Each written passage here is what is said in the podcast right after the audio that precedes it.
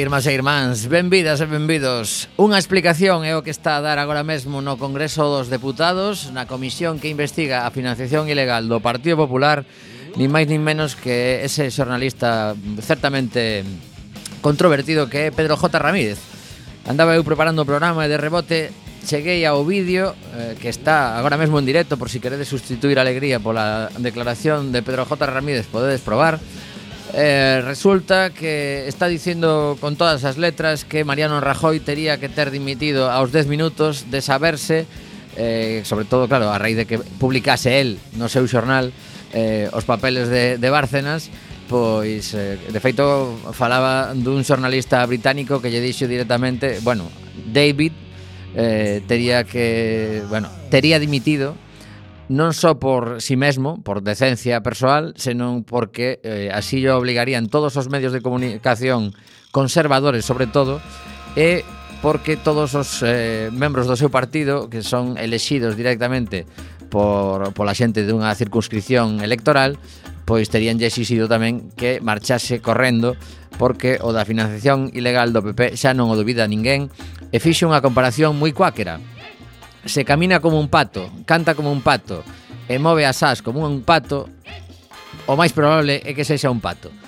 Así se refería Pedro J. Ramírez hai 20 minutos exactamente que saía eu para aquí a se cabía algunha dúbida de mm, que a financiación ilegal do Partido Popular era, mm, entre outras cosas, para pagarlle sobresoldos a unha serie de persoeiros dese partido que aínda nos goberna É que, por certo, se algún de vos estivo pendente do programa El Objetivo de, deste pasado domingo, Houbo un, un debate no que estaban representantes de seis partidos políticos, todos homes, como xa se comentou ali.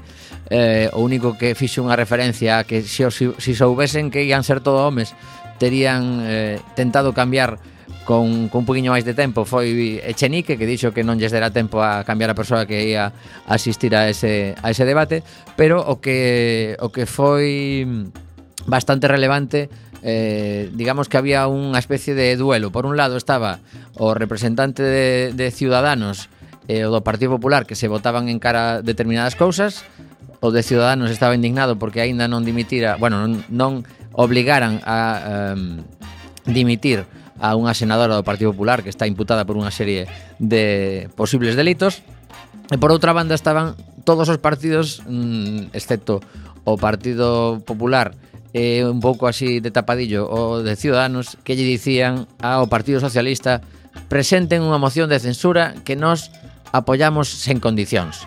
E hoxe, hoxe Lin, curiosamente, que o Partido Socialista afirmou que, que non ían eh, presentar unha moción de censura contando con independentistas en ningún momento en ningún lugar. Por lo tanto, así sigue a festa. Estamos nese país que chaman España, nese país que alguén aínda considera que deberíamos estar orgullosos de pertencer. Eh, agora que xa estamos aquí en compañía de alegres alegrías, pois imos arrancar coa primeira canción do programa e despois nos presentamos así en equipo. Escoitamos a unha banda nórdica que esta noite actúa no Fórum Céltico de Oburgo, chámanse unha cousa así complicada como Helsingground, Underground, e soan así.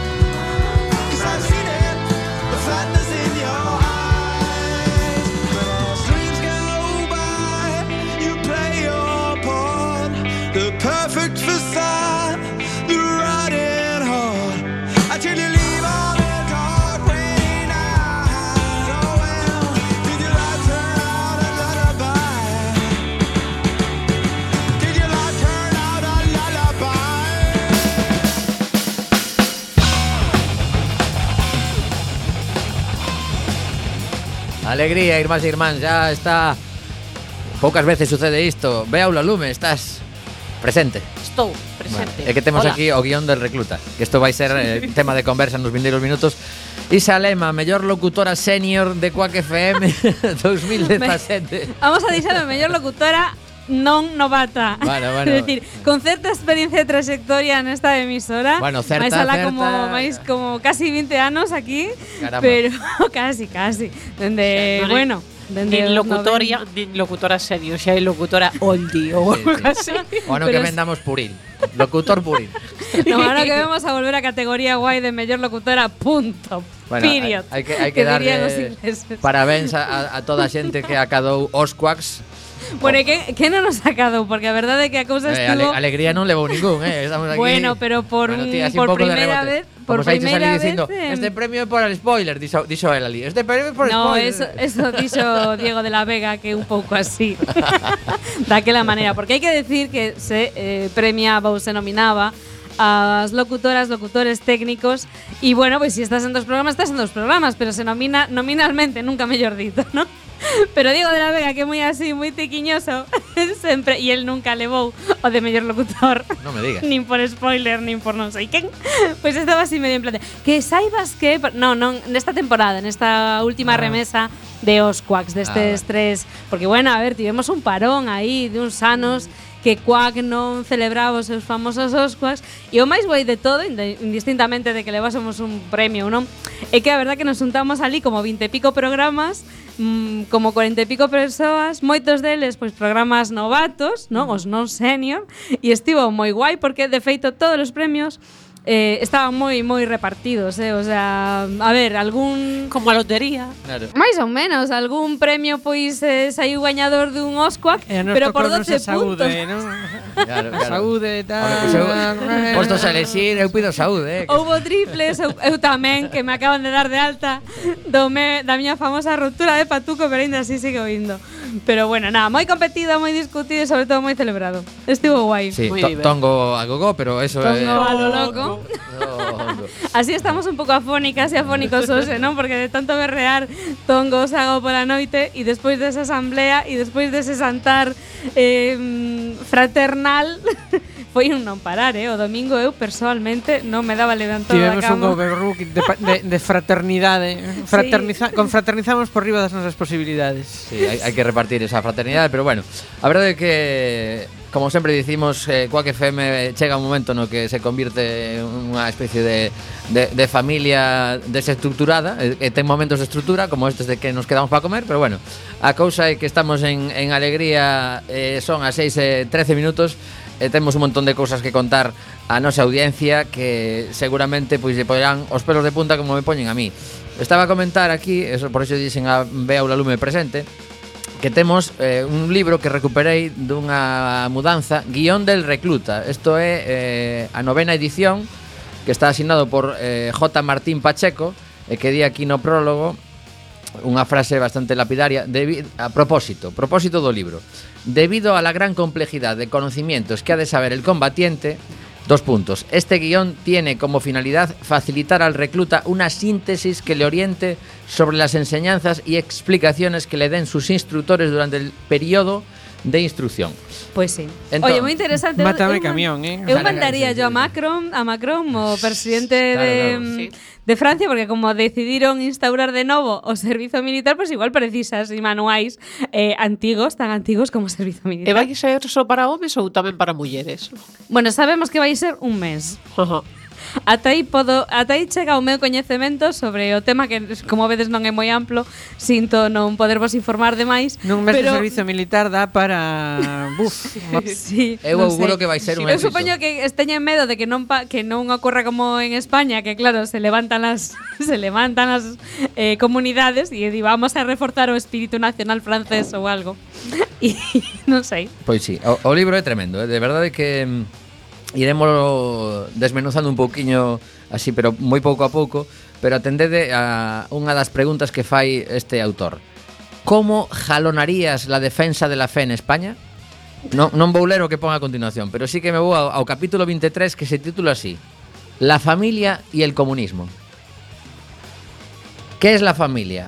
Una agrupación humana basada en la misma naturaleza y consecuencia de un orden natural de proyección divina sobre las realidades históricas y sociales del hombre. Pues, guion, es un deseo querido por la mayoría de los hombres. Guión, Dios unió a Adán y Eva y les ordenó crecer y multiplicarse. Guión, los más ricos afectos, tendencias y sentimientos, amor, consuelo, ayuda, han sido puestos por Dios en el alma de los hombres para, a través de la familia, perpetuar la humanidad. Pero ahora vimos, ahora sí, vimos a- sí, sí. Yo, yo prefiero la versión de Siniestro Total, ¿no? Que decía que la familia es la célula de la sociedad moderna, aunque sea cancerígena desde la edad de piedra. Vale. Es lo que. eh, Pero de, de todas formas, ¿qué pasó con las mujeres ahí? Bueno, que esto es el guion del, mujeres del están dentro de la es- No familia. están, no están. Guión O sea, del se- recluta. Se, entiende, se entiende. Claro. No, No. las mujeres de hecho no iban a la mili. Claro, claro. Bueno, eh, eh, me salto bastantes párrafos de este, de este cap- capítulo Sí, por maravilloso. favor. Pero, pero voy a leer un par de les máis. ¿Qué justifica en el hombre el estímulo al ahorro? El legítimo derecho a prosperar en la vida y aumentar sus bienes para dejarlos en heredad a los hijos. Y también eh, otro, otro estímulo al ahorro es el prever una vejez holgada y digna. E remato xa con esta frase brutal. ¿Por qué el comunismo es corruptor de la sociedad? Son tres partes. ¿Eh? ¿Por qué? ¿Eh? Porque destruye la familia, anula la propiedad privada y prohíbe el ahorro. Segundo, porque arranca del corazón del hombre los sentimientos de amor, fe y esperanza. ¡Hala! Tercero, Así. Los comunistas Y no mismo se el aman. corazón y tal, ¿eh? o Hombre. sea, ya puestos. tercero, porque priva al hombre de libertad e iniciativa, considerándolo como un sujeto que se mueve y obra a los impulsos de la inteligencia y voluntad de otros. Claro que o fascismo Wow. non é así. Claro que con Franco tú te movías, tú, tú te Vamos. movías así a tu puñetera bola y De, no ser- te de pasaba feito, nada. a xente moi inteligente voluntariamente decidiu marchar do país. Non é porque se lles perseguira no, ni non nada. era por eso, no, no, no, no. Eh, por certo, confirmo. Era o seu espírito emprendedor que se A ver, agora. a ver que Bea nos confirma. Eh, di el país. El proyecto de Macron contempla un mes de servicio para hombres y mujeres de 18 a 21 años. Case soa máis a campamento. Un campamento ¿no? ligoteo, vamos, a ver aí parellas apunta para eso. Colonias... Ligoteo, ligoteo non creo que vaya a, a ver. A ver, eu eh. creo que é unha táctica. potenciando a natalidade. Exactamente, táctica encuberta para mm, revertir a mm, pirámide poboacional. Pero que non, que en Francia eh... non hai eh. pirámide poboacional, van estupendamente. Sí, van estupendamente. Sí, home, teñen tres fillos ou máis. A ver, par de, de homes do Renacemento, que xa hai mulleres no servicio militar. No, no, eh... no, no e perdón, non quere dicir que perdón, fagan orgías, no, ou polo menos estamos falando de que sexa, ah, que que sexa obligatorio. A ver, Beatriz, estamos falando de que sexa obligatorio dos 18 aos 21. Claro. Que é un momento de moita efervescencia. E os meten aí en, todos nun campamento. claro. Bueno, sabemos, ao mellor os campamentos son eh, Separa, diferenciados. En plan, campamentos bueno, militares do Opus no, Dei. No, sería, ba sería baixonazo, eh, baixonazo. E digo eu, e se non queres ir ao rollo este, porque o mellor, pois, eh, no, a, ver, mí na miña cabeza, eh, pois, eh, ocórreseme que o mellor pois non hai que pode haber algún mozo ou moza 18, 19 ou 20 anos que non lle interesen, non consideren dentro da súa formación pois saber disparar un fusil. Haberá y a prestación haberá unha prestación sustitutoria, sí. unha obxección Pero de conciencia. Non, a que o patriota francés non se lle vai a correr, non lle vai a apetecer disparar un fusil. Home, non sei, pero é, é como curioso, a mellor pois pois non, non? O sea, Lembro todo, de Verdún. todos os fillos dos fillos dos 68 e demais.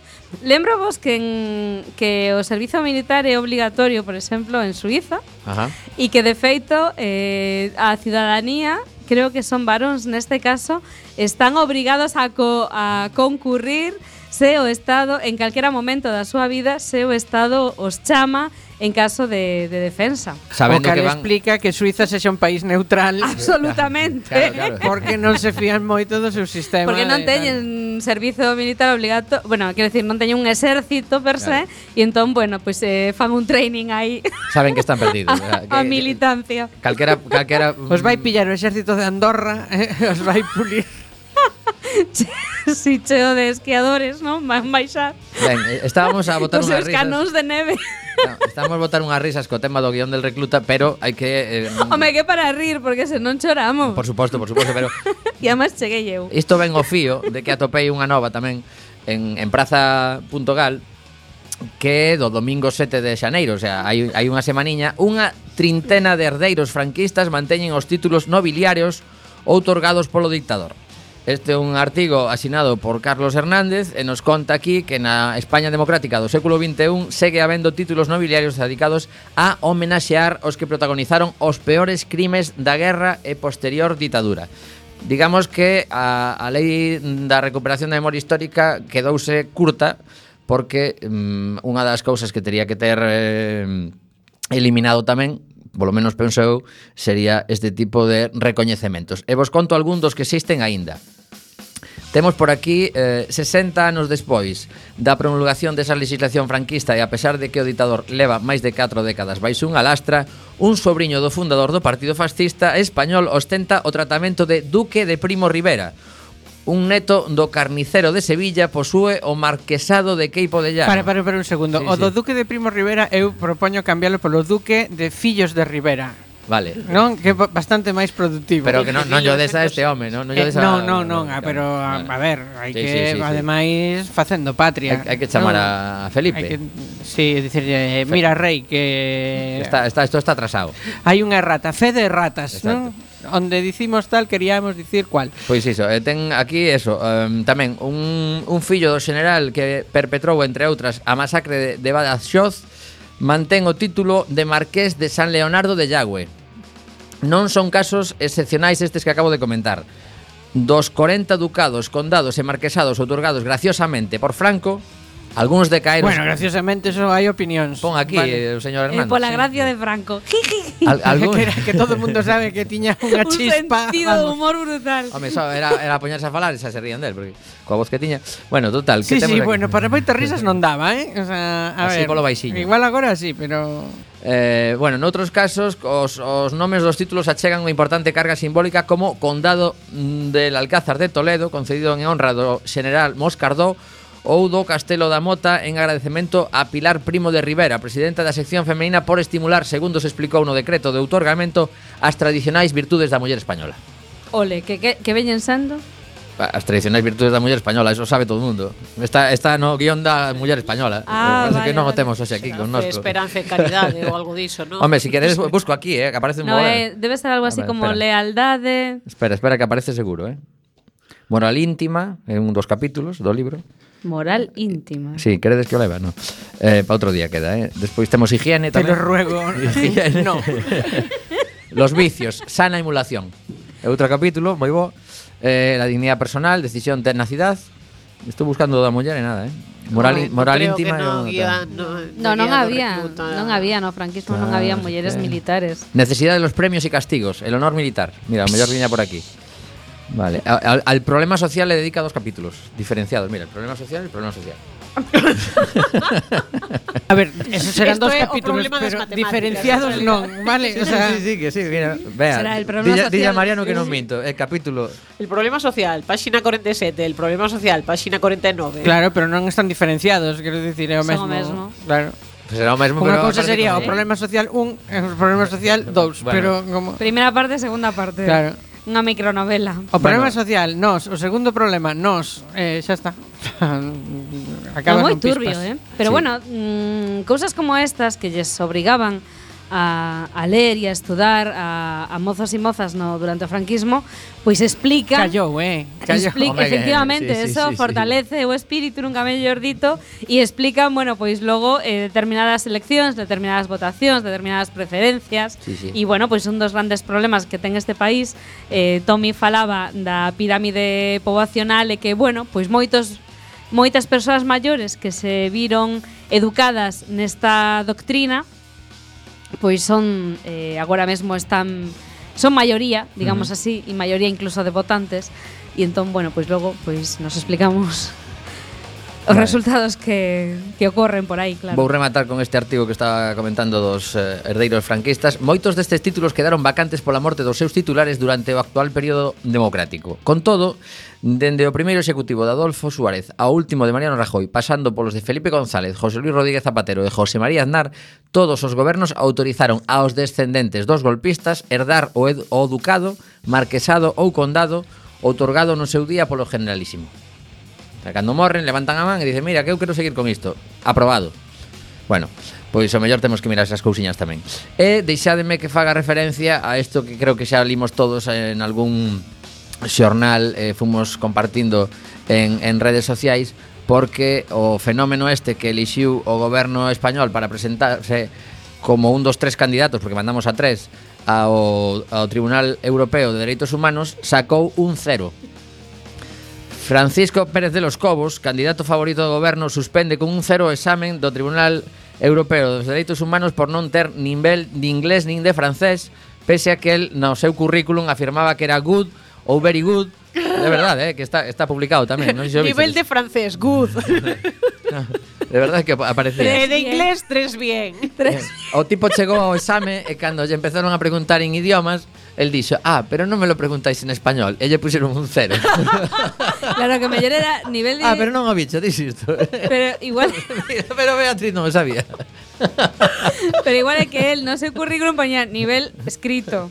E claro, No, no, si no, vas, por aquí, espera, todo o mundo sabe que si é un exame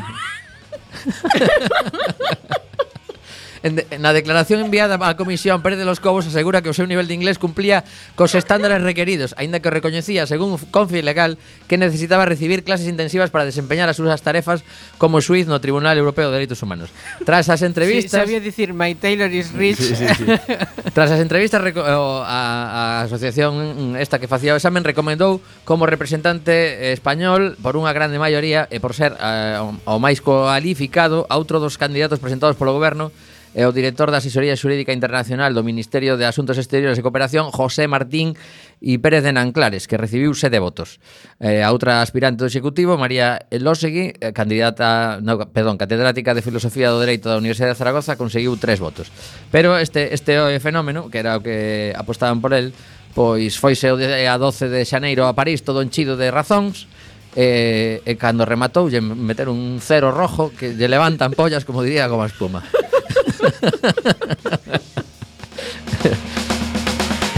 Espera, espera que imos, imos compartir tamén en redes sociais en algún momento Porque non o biches, está aquí Mira, el tío está todo contento cando iban a entrevista. Pero espera que está aquí abaixo Está aquí abaixo o, o tema que mandou el de currículum. Joder, que eu quero que o vexades para que non invente eu. Ay, eu esta noticia agardo para que nos pouco 2018 Porque Tamén diría, el tamén podías poñer un, un polo menos para non chegar a casa e dicir un cero. solo falta caray. decir fueron a pillar. sí, sí, sí. Unas, unas palabras rarísimas, joder. non vale furar. Empezaron a falar en raro todos claro. aí. Claro. Aparte había que, que tamén dixo el tamén, porque aparte dixo que francés controla mogollón, pero despois preguntaron en francés e tampouco. E destes e, destes que cree que falar francés e falar español ver, en alto e despois a modo, non? A ver, que sí. se me acaba de ir a páxina, no, que, que teño, teño interés en que vexades o currículum, que era boísimo cando marcabas casi, as casillas. bueno, no mellor, a mellor cuestión de poñer unha canción. Sí, casi sí. casi además, así retomamos un pouco a seriedade porque esa bueno, é moi difícil. No, seriedade no, que pa, día que nos botamos unhas risas en alegría. Nosós coas do ano que ven imos de da, cabeza da, da, a sección de programas de humor, de humor. xa deixamos de estarnos de informativos. Aquí está, mira. Eh, na formación que o magistrado aportou ao Consello de Europa, porque isto se manda ao Consello de Europa, que non é ninguna coña, aparece un cadro no que detalla o seu nivel de idiomas. Good, en inglés lido, escrito e falado, e very good, para francés, tanto en lectura, escritura. claro, puso very good en francés. Xa o pillaron. Mira, pon a Igual empezaron a sospeitar por aí, eh? Dixeron, mmm, A ver si este se está este liando. igual... A ver se si yo fixo Igual neto. non é tan very good. Antes de vir para aquí. Mira, Tamén unha injustiza porque agora Mira. que xa eh, como se chama, Reino Unido xa non vai a estar na Unión Europea, pois pues para que estudar inglés, non? Claro, claro. que poñan alemán ou, non sei, italiano. El nivel de alemán, very good. E se pone la Merkel firme. bueno, pois pues nada, mientras recuperamos a, a nota do rapaz que anda por aquí abaixo, pois escoitamos a un que sí que cantan en inglés porque son americanos eh, de Estados Unidos. Así no eh, vale. Pero non ten mérito ningún. Claro, claro. mira, mira, mira, aquí está, ves? Mira, speaking, aquí o pon. Mira, para que vexades. First language Spanish. Aí de, e pon very good, very good, very good en Spanish. Volve. Ah, bueno, hai que dicir unha cousa, non, non o poñía el Era que estaba xa no cadro na, na, na, na Xa estaban as respostas escritas Exacto, el só so poñía eh, cruceciñas En inglés Vale, entón, cando chegaba Official Languages English Pois aí estaba o tipo dicendo Reading good, writing good, speaking good. Despois en French, very good, writing very good e eh, speaking very good. Other languages, Italian, el tío pucha de Italian mogollón, porque puso very good, good y very good. Pois pues si y pucha le igual que pues pucha en francés, mal sí. vamos, eh. Es, eh, o, o rollo é que me preparou só italiano, eh. Os outros dous os deixou claro. así por último momento claro. e o cacharon, claro. Por si, por si acaso, por si acaso, que non o esperaban en absoluto, claro, a lingua oficial en Bruselas ven sendo así como mm, o francés, pero non esperaba el que lle entrevistaran en ah, francés. Este dixo, este dixo. O lle examinaran, perdón, en Si sí, total en, en España, en España o dos idiomas, eso tío pois aí o show porque ninguén che pregunta nada, porque como ninguén sabe, ninguén te fala nesas cousas. E chegou claro. ali e dixeron, dixeronlle good morning, eu dixo dous cafés. Claro, no, pero claro, aínda aínda polo menos sacar un par de puntos en francés, que o tipo di que que very good E posiblemente o estudiara en algún momento da súa vida. Home, bueno, un par de puntos en francés pero... igual se tropeza en algún sitio, pois claro, claro, pero, consigue. A ver, se si disimulase un pouquiño e dixera que en que en inglés eh, pois pues, eh, quite good. Fair, fair, pero no, More era, era, era, era very, very good, good y fair. Bueno, English sometimes. Eh, simplemente dicir que unha vez máis España eh, provocando a vergoña eh, nos que din Home, no, así, eh. no, máis que más que vergoña, non sei o que nos está pero me provocando unhas risas bastante saudables. Sí, sí, sí, sí. Eh. Quiero dicir, tampouco No, o cachondeo que ten que haber nesa familia. Este lumbrera foi o do Este lumbrera foi o, o no, que vivo, no, seguro que no Xantal de Antroido eso vai ser. Sí, sí, a, aparte que ten unha con... mira, eu estou convencido que a, os, a os netos todo o de... mundo disfrazado de Bifitter. os netos deste rapaz seguro que van a academias boísimas e pasan os veráns en Inglaterra. É un puteo co, un puteo co avó cando chegue, bueno. Eu que a, a min, o sea, a, a, a risas nos vai pasar de golpe cando nos decatemos de que este polo estaba no Tribunal Constitucional presidindo eh, e dictando sentencias sobre cousas bastante serias, eh. Sí, sí, sí, sí. Porque no, que... a ver, é unha unha persoa que minte nun currículum igual para un posto oficial. Para un claro. posto oficial igual non é a máis indicada para presidir un Tribunal Constitucional, o que pasa que nos enteramos a touro pasado, non? Pero o que pasa que normalmente agora xa en serio, para un posto oficial ti tes ademais que xunto co coa túa X en Very Good ti tes que presentar unhas credenciais, non? Bueno, pois eh, non Pero sei. igual é que é boísimo en Photoshop. Sí. Pode tamén, ser, tamén. Claro, bueno, pero ser. esa sería esa sería delictivo porque sería pois eh, unha falsificación de documento oficial ou algo así, porque claro, non podes falsificar pois non sei, Non, eh, pero falsificas o de opening e listo. Ah, bueno, de CCC, concurso de A guitarra. ver, vou clarificar este tema porque nos estamos poñendo un pouco tiquismiquis co rapaz, eh? Mira, di aquí. Tal como informa o citado diario este de Confilegal, al ser preguntado en inglés por los miembros de la comisión, Pérez de los Cobos respondió: Pueden preguntarme en español.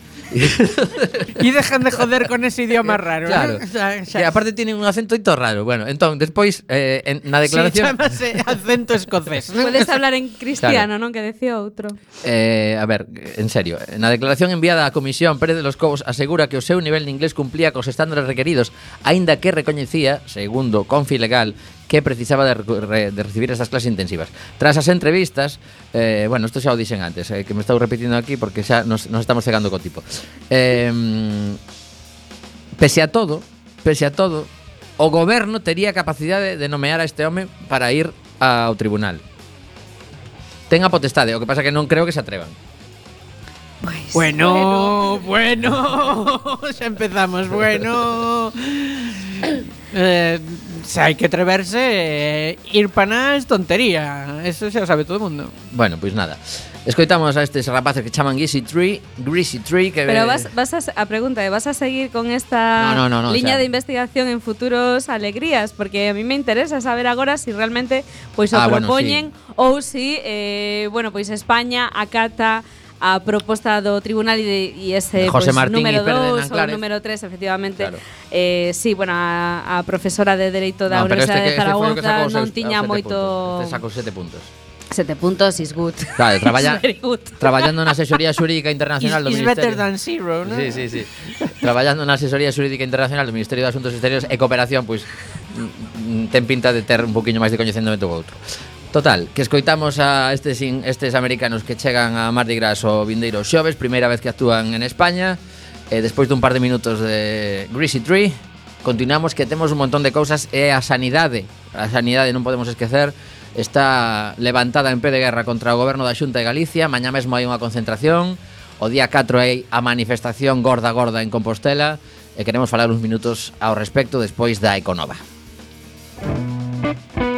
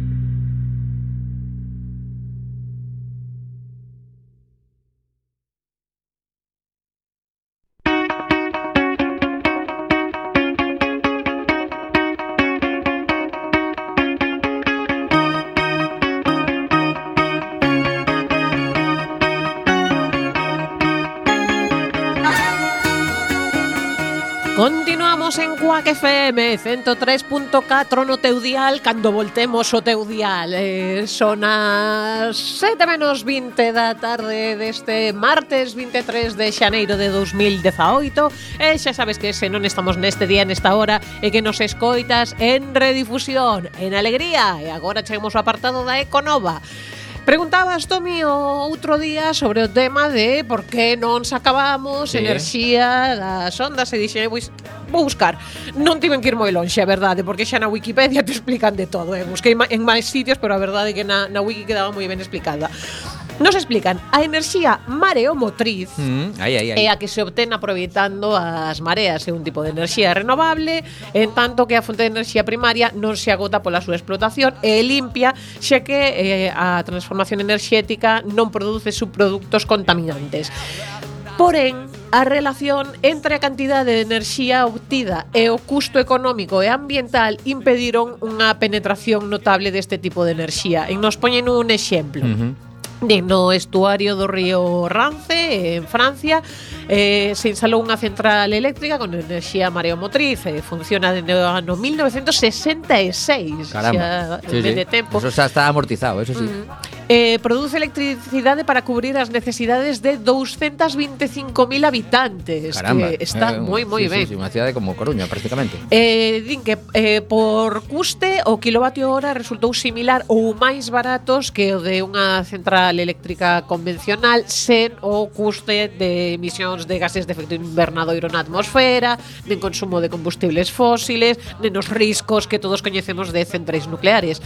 Pero o impacto ambiental foi bastante bastante grave como eh, aterramiento do río, cambios de salinidade e cambio do ecosistema de, do antes ou despois das instalacións. Vale. E de feito, había outros proxectos iguais para Francia, Canadá e Reino Unido que non chegaron a executarse polo risco de forte impacto ambiental. Así que, vale. por eso é que que non bueno, temos unha mágoa, unha mágoa. Enerxía maría Outra cosa que de cara ao futuro investiguen outro sistema que aproveite tamén esa forza mareomotriz e que non sexa tan perigoso para A cousa é que tendo xa outras enerxías verdes que funcionan vense fastidiar tanto claro, como claro. pode ser a, a eólica, pois sí, O que pasa pois é que está como non se ve, porque en teoría pois serían cousas que van aí como unhas vamos a so, chamar de turbinas Xa. que van debaixo do do sí. mar, nunha zona como mellor que non ten acceso a xente. Ajá. Pois que, mm, digamos sí, que o que pasa é que ten unha repercusión, porque por exemplo, se falaba non hubo uns instantes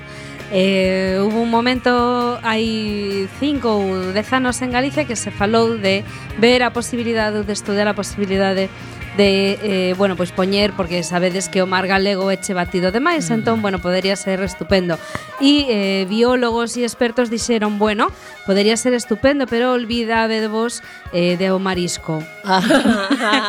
porque, eh, efectivamente... Viva eólica! Se cambias, claro, se cambias as mareas e se cambias as condicións da costa, non? Borga, eh, pois olvídate o mellor de, de ter a capacidade de, bueno, pois de, de plantar non ou de sementar determinados crustáceos nas, nas praias e demais.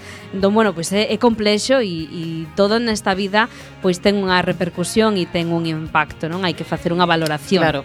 Eso sí, como decías, pois xusto en Galicia, que xa temos todos os nosos ríos intervidos eh, con diferentes eh, presas, diferentes altos hidráulicos e demais, temos a metade dos nosos montes, eh, pois tamén con un montón de... Mm, bueno, pois de, de moliños, de, de muiños de vento e demais, pois xusto tamén poñer aquí eso. E ademais temos dúas centrais térmicas, pois non sei, señores, igual hai outros sitios onde poñelo, non? Mm. Digo eu, non ten por que pois vir sí. todo para aquí. No, ademais xa, che digo, cos avances que hai tanto en eólica como cada vez máis tamén en, en solar, que están aí os chinos de sacar enerxía solar que compañías que, que funcionan incluso de noite, que eso xa me parece impresionante, pois mento en un hai ademais que din que con, con esas tecnoloxías que se vai poder dar eh, electricidade suficiente para todo o mundo, pois é un pouco como que, bueno, pois entón para que buscar noutros sitios que xa se está vendo que, que son máis mm. problemáticos, porque ao final son todos problemáticos por unhas ou por outras, porque eu que sei, os paneis solares tamén cando rematan a súa vida útil, pois iso hai que desmontalo, eh, non sei, ten, tamén non sei o efecto contaminante, ou a eólica, aparte de que estéticamente non é moi bonito ver aí os muiños, pois tamén pode matar eh, paxaros, eh, morcegos e tal, aínda que din que non é tanto como se vende. Quero dicir, sí, morren, din, pero matan moitísimo máis os coches, por exemplo. E nen os quita, non? Pero ninguén claro. se ah. plantexa en ningún momento a decir, bueno, señores, é que o mellor o que hai que facer é reducir o consumo e que o mellor é que estamos consumindo por enriba das nosas posibilidades e que o mellor é que o consumo eh, enerxético, por exemplo, dos nosos edificios e demais, podería ser eh, mantido, non? Ou podería ser alimentado de maneiras eh, diferentes, non? Mm. Entón, bueno, pois eh, claro, a min cada vez que me venden maravillosas tecnoloxías, pois sempre digo, pero se o mellor é reducir o consumo e logo xa podemos empezar a falar, non? Sí, habría que empezar por... Eu lembro hai anos un... Eh, unha unha serie de documentais que había de, de uns que facían melloras ecolóxicas en, en empresas. Eh, e había, por exemplo, un sitio que gastaba todos os anos pero unha burrada en calefacción. Uh -huh. Entón o que fixeron foi cambios estructurais no, no local, no edificio en sí mismo para que o sol eh, entrara de forma determinada, que entrara de forma determinada e o edificio en sí se que entrara de forma determinada, pero só con cambios estructurais. Quero sí, dicir, sí, sí. non é dicir é que poñemos outra calefacción, non, non, non. Só con orientamos así, facemos así Ou a mellor... Eh, o aforro que chegaron a ter en calefacción, pero era bestial. Eso iso, compensar un pouquiño e eh, imos facelo ben dende iso, aproveitando ou, ou o mellor, o mellor, por exemplo, pois tamén recurtando o as horas que estamos eh, nos espazos de traballo. Non digo traballando, digo nos espazos de traballo. Mm. Porque os espazos de traballo son grandes consumidores de enerxía, grandes consumidores de calefacción, grandes consumidores de, de aire acondicionado, agora que estamos eh, bueno, cando é no, no verán, pero eh, as xornadas son longuísimas, non? Bueno, pois pues, Ajá. o mellor en vez de traballar estar no lugar de traballo 10 horas ou 9, o mellor se si estamos 6, pois pues estupendamente para todos. Eu sempre pensei que mm, un ministerio ou un pero un organismo así potente, eh, eh, digo ministerio con todas as letras de eficiencia en moitos aspectos, non só enerxético, pois seguramente mm, tería efectos moi positivos en, en no resto, porque sería como unha especie de auditor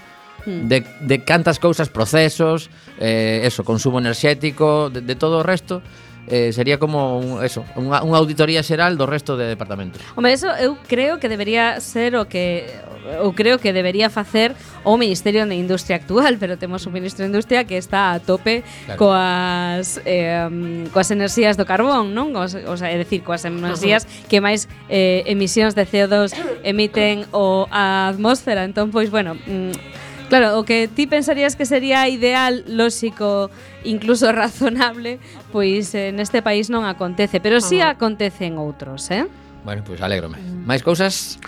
Home, ter teño, pero o que non sei se temos Pois pues, tempo, a, a verdade é que eu quería isto, isto pode quedar para outro día. Veña, pois eh, continuamos o programa porque a verdade que antes de entrar no, no tema da, da sanidade que, que realmente do, do máis grave que temos en riba da mesa agora mesmo, non quero deixar de eh, comentar tamén que a moza que denunciou ao que despois se demostrou que foi o asasino de Diana Kerr está eh, denunciando o acoso que está a sufrir por parte de determinados medios de comunicación que non a deixan nin a sol nin a sombra para acadar as súas declaracións cando o único que fixo esta muller foi intentar salvar a súa vida eh, e darlle a pista definitiva á policía eh, tivo que chegar incluso fixadevos ata onde chega o tema de que o propio xulgado de Ribeira que investiga estes feitos viuse obrigado a transmitir esta advertencia á prensa que adoita cubrir a información judicial en Galicia. Fixo despois de que a muller se dirixise ás autoridades judiciais para denunciar o acoso por parte dos equipos de algúns medios de comunicación, algúns dos cales, segundo a información recibida no propio xulgado, fan garda ante a súa casa para acadar algún tipo de declaración ou chamalle morbo, chamalle o que sexa. O único que conseguimos con isto é que haxa unhas poucas persoas ávidas de morbo que o reciben é que a sociedade perciba que os medios de comunicación están para adicar. Os poucos xornalistas que teñen, porque moitísimos medios de comunicación están moi faltos de profesionais, a, a amargarlle a vida a unha muller que bastante sufriu xa con ese momento crítico na súa vida no que estivo a piques de, de ser pues, eh, a, a seguinte na, na barbarie deste, deste home. Polo tanto, pois hoxe mesmo que se celebra a partir das 8 da tarde un foro sobre mm, modelos de comunicación, o que pasa é que está vieito ruido e xa pois tira un pouco para atrás, e xa non quero seguir falando do tema, pois deberíamos reflexionar sobre ata que punto este tipo de, de cousas son as que deben tratar os medios de comunicación e perseguir diante da súa casa como se fose eh, pois unha, unha persoa que, que todo o mundo precisa saber da súa vida a esta muller que, que conseguiu salvarse de, de milagre. Falamos agora de sanidade, como vos decía, porque as, as novas son continuas de preocupación por parte, sobre todo, dos profesionais. Non sei se vea tamén é un tema recurrente eh, durante a, a túa, a, polo menos, non sei se durante a xornada, porque mellor non tedes nin tempo, pero sí que cando estades chegando, cambiando de turno, sobre o que está a suceder nas, nas urxencias en moitos hospitais galegos. Sí, home, se, se, eu estou na UCI e igual non se nota tanto, pero sí que ás veces tens que baixar a urxencias para o, o que sea, ou pasan as supervisoras de guardia que andan por todas partes e comentan, Buah, es que están as urxencias, ou, xe che digo, nos que pasamos por ali polo que sé, xe, uh -huh. e voltas dicindo, miña nai, as de urxencias non sei como non acaban todas en conxo, porque está a cousa fea fea. Uh -huh. É todos os anos igual. Sí. Eh, de feito, aquí o que comentan, esta é unha nova de hoxe mesmo en La Opinión, médicos galegos avisan, a sobrecarga asistencial prolóngase durante nove meses ao ano. Isto é evidente que eh, vai provocar moitísimas máis baixas das que deberían mm, terse nun persoal sanitario se tivese unha carga de traballo asumible.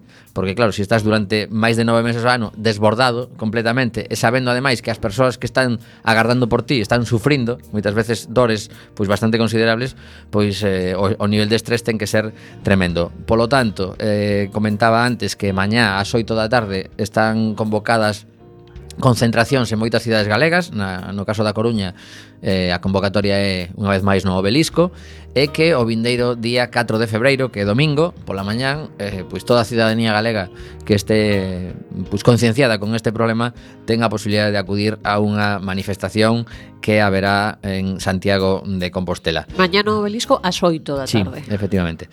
Eh, dicir que ao respecto desta, desta nova que, que saen representantes de varios niveles asistenciais dos sindicatos, en concreto CESM e Omega, contra os recortes na sanidade pública galega, pois están manifestando que mm, hai unha preocupación sobre a reforma da Lei de Saúde que acentuará a marxinación no, nos diversos niveis eh, en concreto están a falar de que todo parte do mm, eles din, eh? Isto é un, un análise que fan estes estes que hoxe fixeron unha rolda de prensa, parte da, dos problemas en atención primaria que como hai moitísimos retrasos en atención primaria, a xente se desespera e o que fai é ante unha dor que o mellor pois podería ser tratado pois eh, si, si tiveses un, unha cita rápida pois eh, acaban chegando a urxencias e a acumulación de, de persoas en urxencias que teñen que ser atendidas evidentemente en diversos grados de urxencia mm. pois provocan este colapso unha, provocan que non haxa camas. que ti unha dor de un gripazo ou algo así que é o típico agora mesmo. Eu, eu a verdade é que pásame un montón disto que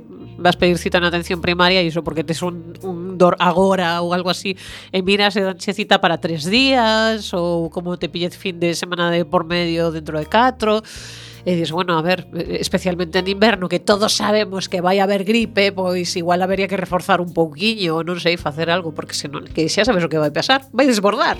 Sí, eh, sí, sí. Son leis da física. Acaba indo todo o mundo ao mesmo sitio porque entende que o o hospital no que si o seu caso é máis grave do que el pensa ou ela, uh -huh pois se vai a ter unha, unha análise máis pormenorizada.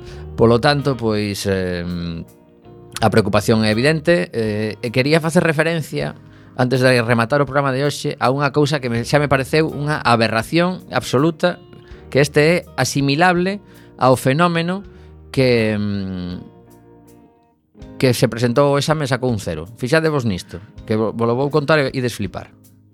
Atención, eh? Deixademe un segundiño que estou a piques de ter a nova na pantalla pillado o Conselleiro de Sanidade de Castilla e León como verdadeiro autor dun manifesto espontáneo de apoio á súa eh, xestión. Nos metadatos da carta espontánea que defendía a boa marcha da sanidade que firmaban médicos aparece o nome do conselleiro Antonio María Saez Aguado. Este tipo, eh, dende o seu propio ordenador, Fixo unha carta e claro, cando pos aí botón dereito e aparecen as propiedades da carta, alguén se lle ocurriu, en concreto foi, agora vos lo digo, As 16, o 16 de xaneiro, ás 20.03 dende o ordenador do Conselleiro de Sanidade da Xunta de Castela e León, Antonio Sa María Sáenz Aguado, gardábase un arquivo de Word Nos sentimos orgullosos. O escrito difundise como unha carta enviada ao diario ABC na súa edición regional en Valladolid.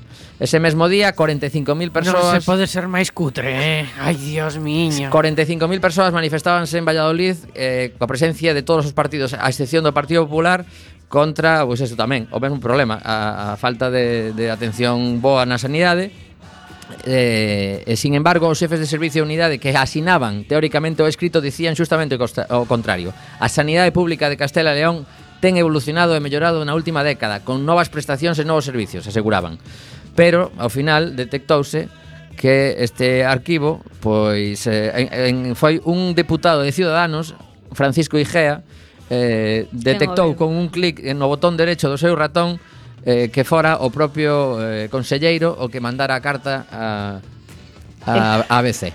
Este polo é de nivel en utilización de ferramentas informáticas. Very good. Desta non me pillan, pois. Pues cero. Bueno, pois pues nada, así, así nos vai con estes eh, responsables políticos. María nos está comentando aí que morreu Nicanor Parra, aos 103 anos. O poeta chileno Nicanor Parra está propagándose agora mesmo polas redes sociais. Bueno, tiña 103 aniños. Sí. Punto sí. 4. Pero, bueno, que a terra lle sexa leve. Uh -huh. Porque nos deixou páxinas memorables É o último que quedaba da xeración de Gabriela Mistral, Pablo, sí. Pablo Neruda e toda esta xente uh -huh. Tan Príncipe... importante para a literatura chilena uh -huh. Príncipe de Asturias de 2011 que comentaba, que comentabas tamén Mariano Pois chegamos ao final deste Alegría con risas incorporadas Mandamos un bico a este home para que aprenda inglés e Vos deixamos con Kiss. recento Chao